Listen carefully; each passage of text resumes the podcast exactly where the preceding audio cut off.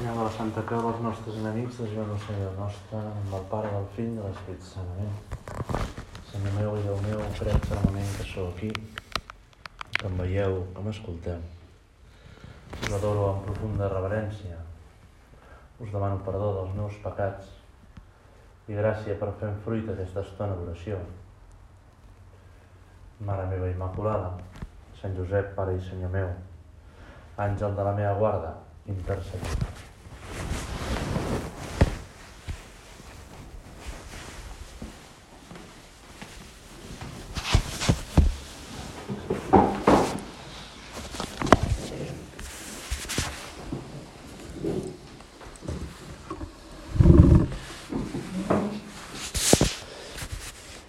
Aquest és el meu manament. Us estimeu els uns als altres tal com jo us he estimat. Ningú no té un amor més gran que el qui dona la vida pels seus amics. A vosaltres us he dit amics perquè us he fet conèixer Perdó, m'he saltat un tros. Vosaltres sou els meus amics si feu el que jo us mano. A vosaltres us he dit amics perquè us he fet conèixer tot allò que he sentit del meu pare. No m'heu escollit vosaltres a mi, sinó que jo us he escollit a vosaltres. Això us mano, que us estimeu els uns als altres aquest discurs. Teu, Senyor, que l'evangelista Sant Joan recull després del darrer sopar, o,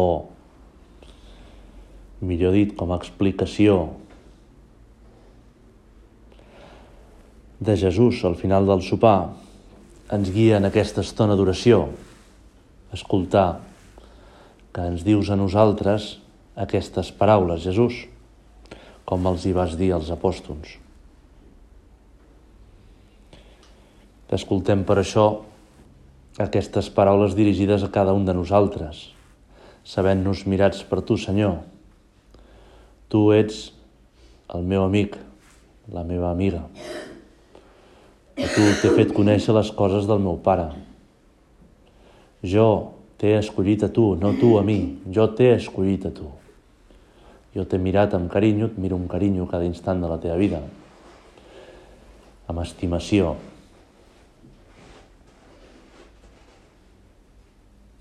Escoltem aquestes paraules dirigides a nosaltres amb la mateixa intensitat que en aquell moment, pocs moments abans de la passió, tenien els altres, pels altres apòstols.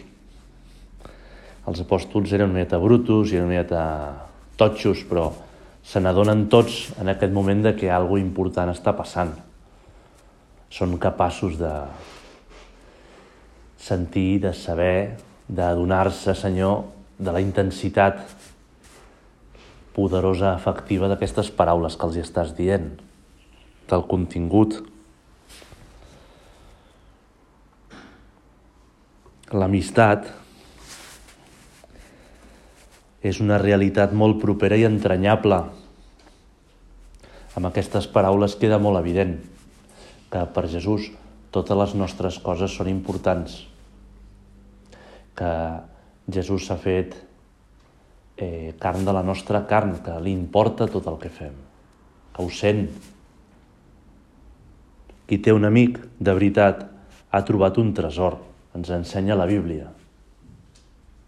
Qui té un amic de veritat ha trobat un tresor. Al preparar la meditació he buscat unes dites populars sobre l'amistat i m'he trobat coses molt sorprenents. Així, un proverbi polac diu quan l'adversitat truca a la teva porta, tots els amics estan adormits. Una cosa semblant diu un proverbi alemany. Quan la desgràcia treu el cap per la finestra, els amics no s'apropen a mirar. Que distant és aquesta amistat interessada de l'amistat de Jesús, que és oblativa, que és entregada, que mor per nosaltres. No?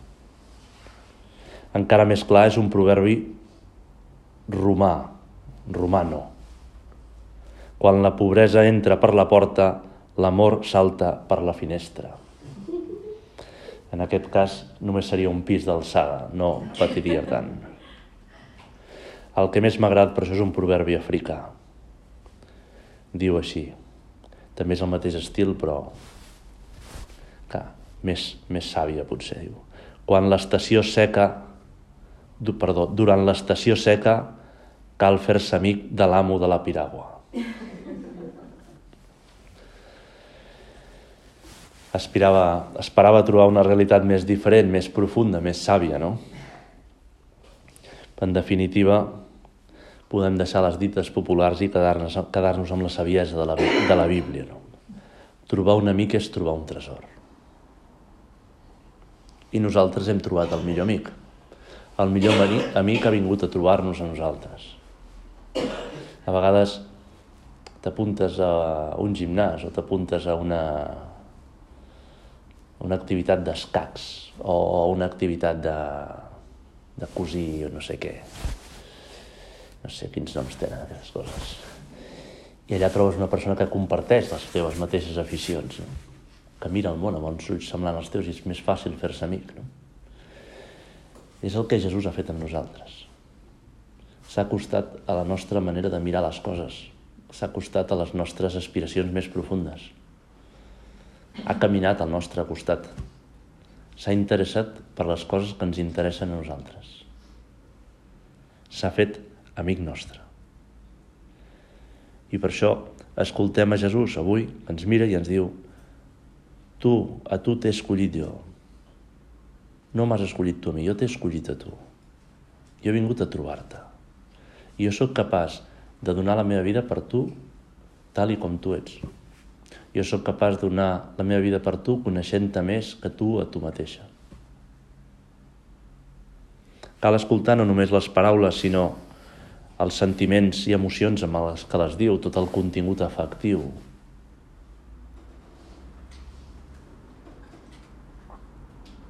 Perquè és molt diferent. El tracte ordinari amb Jesús, molta gent escolta paraules despullades de sentiments i emocions, escolta paraules amb el cap, analitza, no? Aquesta societat racionalista en la que estem analitzen les coses que diu Jesús, si troba algun lloc per on puguin no ser del tot racionals o no ser del tot veritats o no ser del tot que es puguin aplicar. Sense cor. Aleshores les paraules perden precisament quasi tot el seu significat. Nosaltres, gràcies al tracte que tenim amb Jesús, gràcies a ser persones que fan oració, que saben estar davant teu, Senyor, que saben entendre com els hi parles, coneixem, som conscients dels teus sentiments, dels teus efectes, del teu estat d'ànims, de com t'afecten les coses. Hem d'entendre les coses del cor, perquè només llavors el que ens diu l'Evangeli ens porta a la comunió personal amb l'amor de Déu, com un apòstol més. Aquest moment final de l'últim sopar, quan surten ja fosc de Jerusalem i baixen al torrent del Cedró, pugen cap a l'hora de les oliveres, la lluna plena. És un moment molt intens, és un moment tens. Poc després Jesús es quedarà sol per afrontar la passió. Està a soles amb els pocs que de veritat l'estimen. Ja no hi ha allà els que estan interessats en els seus miracles, els que només, només volien exprimir-li a Jesús el, el seu suc. Aquests quan les coses s'han posat una miqueta aspra, quan ha començat a haver-hi una miqueta de persecució, han desaparegut. Només queden al teu costat, Jesús, els que t'estimen de veritat. Suposo que hi ha molts que utilitzen a Jesús. I potser jo a vegades, Senyor, també t'utilitzo. Quan m'aprofito de la teva amistat, quan et demano coses i estic molt pendent de si les rebo, de si me les dones tal i com jo les demano, de si aconsegueixo el que jo havia previst.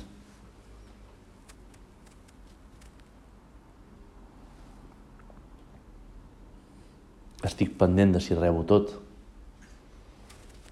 Ara me n'adono, Jesús, que a vegades t'utilitzo.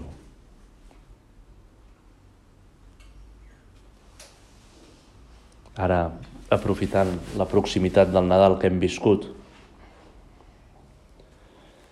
Aquest Nadal que ens ha d'haver portat, com deia el papa Francesc, a que Jesús neixi en el nostre cor, diu el papa, va dir el papa fa uns anys.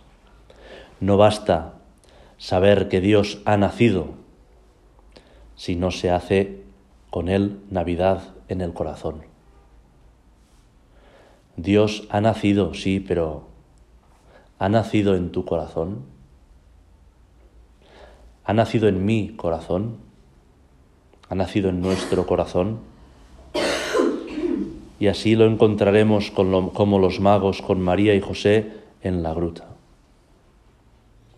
Potser aquesta proximitat de Nadal ens ajuda a acostar-nos a Jesús com a infant i ens és més fàcil acostar-nos al bressol,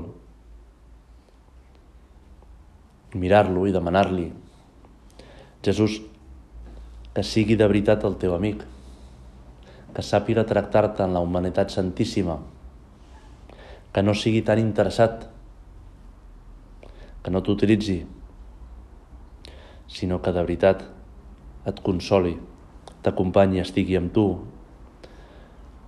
em posi en definitiva el teu servei de veritat,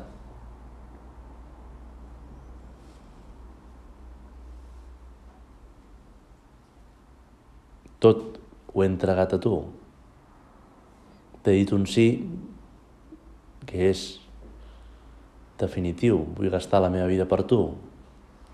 Vull correspondre al teu amor tal com tu vols que correspongui. A vegades em descobreixo que no que no estic corresponent tal i com tu voldries, Senyor, que potser em busco a mi mateix o busco utilitzar-te.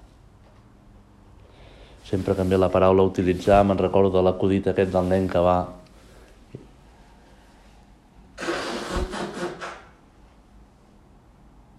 no és un acudit.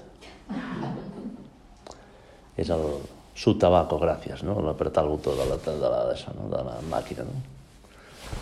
Tractem a Jesús com si fos una màquina de tabaco, no? Su tabaco, gràcies, no? Ve la meva ment la paraula utilitzar amb su tabaco gràcies. És una associació mental que hi ha. Potser és igual de cancerigen, entre cometes, no? utilitzar a Jesús.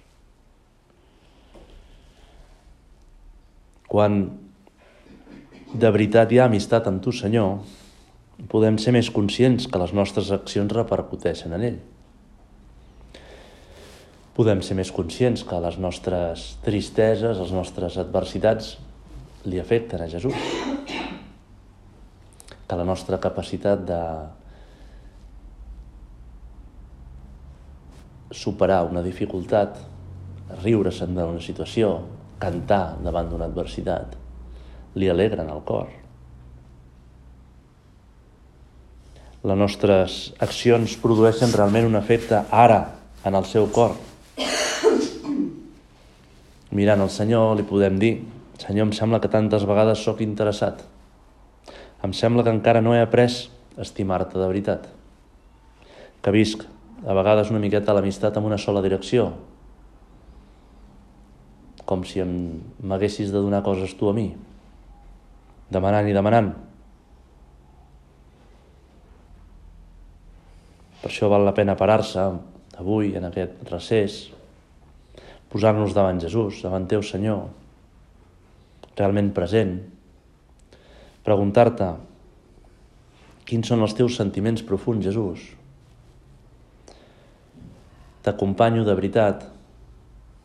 Me n'adono de com t'afecten les meves... la meva entrega, la meva il·lusió. Ara, abans de venir, m'he quedat impressionat perquè m'ha colpit una cosa que deia la Jutta Burgraft. Deia que la paraula entusiasme ve del grec està ple de Déu. I carai, és bonic. Entusiasme, ple de Déu, ple d'il·lusió, ple de Déu.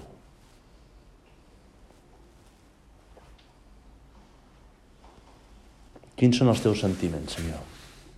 Quan em trobo amb tu, a soles, en la meva oració, et consolo, t'acompanyo, facilita molt estimar realment a Jesús, acostant-se a la humanitat santíssima i acostant-se a la infància de Jesús.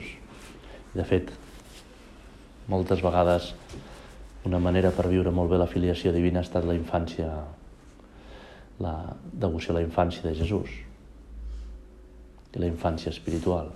Han anat molt de la mà. El nostre pare explicava aquesta anècdota en un monasterio viejo de hombres contemplativos. Ja mentalment hem dit hombres viejos, ¿no? En vez de monasterio viejo, hombres contemplativos, hem associat el viejo al hombre, ¿no? Como nosotros, que también tenemos vida contemplativa en medio de la calle, en aquel monasterio, entre tantos frailes doctos, había un lego ignorante. Había sido saltimbanqui, y solo sabía hacer unos juegos de manos muy elementales y unas cabriolas. Un día le entró la preocupación de que no quería bastante a la Virgen. Se fue a la iglesia de noche, cuando los demás descansaban. Se puso delante del altar y dijo a Santa María, Señora Madre mía, el Padre Abad es un gran sabio, que ha escrito muchos libros y además te quiere mucho. Y el prior, no digamos, y el procurador, ¿cómo se las arregla para que no falte nunca lo necesario en esta casa, donde es preciso gastar tanto dinero en tu servicio? Y los otros, ¿cómo estudian? Que los veo yo. En cambio, yo casi no sé leer. ¿Qué haré para darte gusto? Tuvo una idea genial. Se escapó corriendo a su celda, se quitó el hábito de fraile, se vistió sus ropas de tonto de circo. Volvió delante de la imagen y se puso a hacer cabriolas y aquellos juegos de manos elementales. Así le pescó el prior, que no se atrevió a reñirle porque sorprendió en la cara hierática de la Virgen una sonrisa de madre. També nosaltres, amb la nostra vida, estem contestant a Jesús. Potser no fem grans obres impressionants, sinó també estem fent el tonto de circo, no?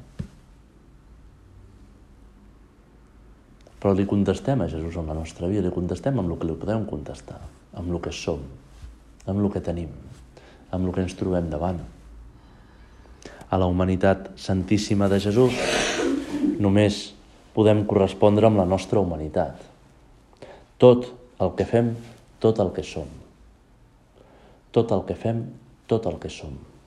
Cada instant, ho diu el llenguatge humà, sent molt humans, molt tendres, amb les nostres lluites, amb victòries, amb derrotes, amb les imperfeccions de les coses de cada dia. Fa uns anys vaig organitzar en un col·legi una xerrada per pares, per marits, per homes, només vaig buscar un ponent i, i em va dir de què, de, què, de què els hi parlo, que els hi aniria bé, o... i li vaig dir, em va venir al cap, és com ser el pare que mereix el teu fill.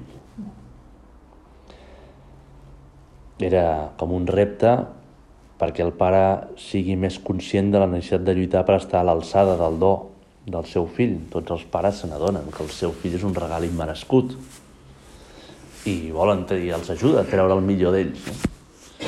I jo li vaig dir aquest ponent, si, si aixeques els ideals d'aquests pares perquè aspirin a més, perquè siguin conscients de que poden ser molt, molt bons, que poden fer moltíssimes coses. El ponent va fer oració sobre el tema que vaig dir-li. I va començar la xerrada amb un text que els ajudava els pares a tocar de peus a terra, de, detallant amb molts, molt concret les imperfeccions habituals de la família, el caos, el desordre, les errades. Jo estava allà dient, vaja, em sembla que no ens hem entès amb el ponent, no? I un cop va descriure la situació dramàtica dels, de moltes cases, va dir, pues això és el que hem de fer excel·lent, no? Això és el que hem de... En, el, en això, en aquesta situació és en que hem de ser els millors que puguem. I em va agradar molt. I als pares els hi va agradar molt. Ja no estem en el castell de la princesa i del príncep, no? Estem tocant de peus a terra. La humanitat santíssima. El tonto del circo, que fa cabrioles, fa jocs de mans. Això és la humanitat, així és com descobrirem també nosaltres el somriure en el rostre de la nostra mare. Enmig de la imperfecció. Per això, mirant el sagrari, ens hem de proposar com puc ser jo molt humà, molt carinyós amb Jesús, amb tota la meva vida, amb tot el que faig. Hem viscut aquests dies al Nadal. Ens podem veure Maria, Viu una entrega absoluta i servicial. Heus aquí l'esclava del Senyor, totalment generosa, entregada. I és precisament en aquesta entrega on, podríem dir, es troba a si mateixa, és feliç. Però és una entrega enmig de situacions que no són gens ideals. Una cova per guardar animals, un pessebre. Però en allà s'entrega és el principal exemple que trobem d'humanitat. Josep realitza el que Déu li demana de manera subtil a través d'un àngel en somnis. Totalment disponible, assimila la voluntat de Déu, la fa seva.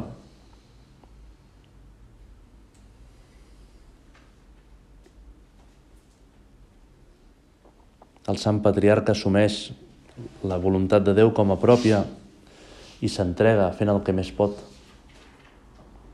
Hi ha un autor espiritual que diu Betlem va ser el Calvari de Sant Josep.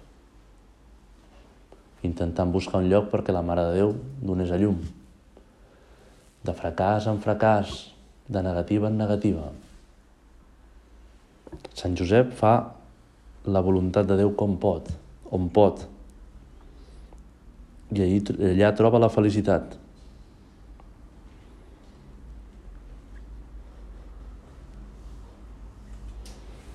Així podem avui acostar-nos a Jesús i veure que està envoltat de felicitat amb situacions d'imperfecció,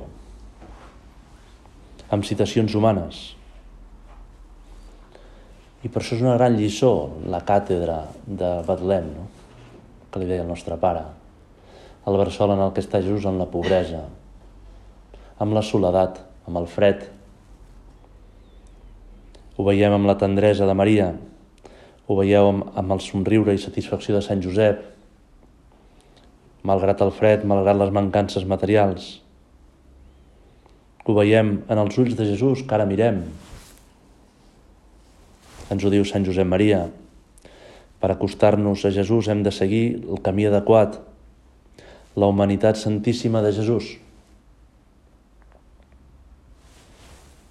Aquests darrers dies de Nadal que hem passat, tenint-los tan propers. Ens és fàcil acostar-nos també al sagrari i dir-te, Senyor, coses, demanar-te la gràcia per ser més conscients de la realitat, que ens esperes en aquestes situacions normals, que és allà on s'ajunten el cel i la terra, diria el nostre pare. com vivim santament les vida, la, la vida ordinària. Aquests personatges del pessebre que hem contemplat són model d'humanitat. Ensenyen el camí per acostar-me a tu, Senyor, mantenir-me a prop teu. Amb l'exemple de la Mare de Déu aprenem a dir que sí a Déu en el que ens va demanant. Servir-lo en els detalls més petits. Amb l'exemple de Sant Josep aprenem a entendre el que Déu espera de nosaltres sense utilitzar a Déu. Una docilitat molt fina, que no li fa dir a Déu el que nosaltres volem, sinó que està disposat a escoltar i fer-ho, encara que costi, encara que no sigui el lloc on voldríem. Així ho apliquem a la nostra vida. A la humanitat santíssima de Jesús responem amb la nostra humanitat. I això es concreta amb el servei als demés, la docilitat, deixar-nos dir les coses. Vosaltres sou els meus amics i feu el que jo us mano. Què és el que esperes de mi, Senyor? Ara, en aquesta situació, aquest mes de gener, la cuesta d'enero.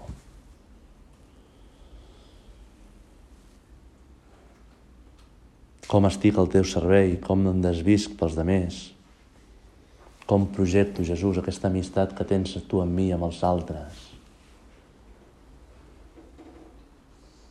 Com estic de docilitat, de lluitar contra la pròpia autosuficiència, de buscar fer la meva voluntat, de correspondre al teu amor com jo he previst.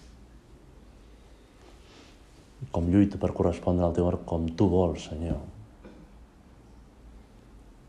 com estic de disponibilitat disposat a que tu, Senyor, em guiïs en la meva vida i acabi fent que tu neixis en el pessebre del meu cor, allà on sóc, les meves misèries. Ens agafem fort de la mà de la Mare de Déu i de Sant Josep, que estan tots dos junts al pessebre. Sant Josep a vegades una miqueta dormit i li demanem que no ens, que no ens allunyem d'allà, que no ens quedem lluny, que el anem a buscar allà on neix Jesús, allà on ells es troben.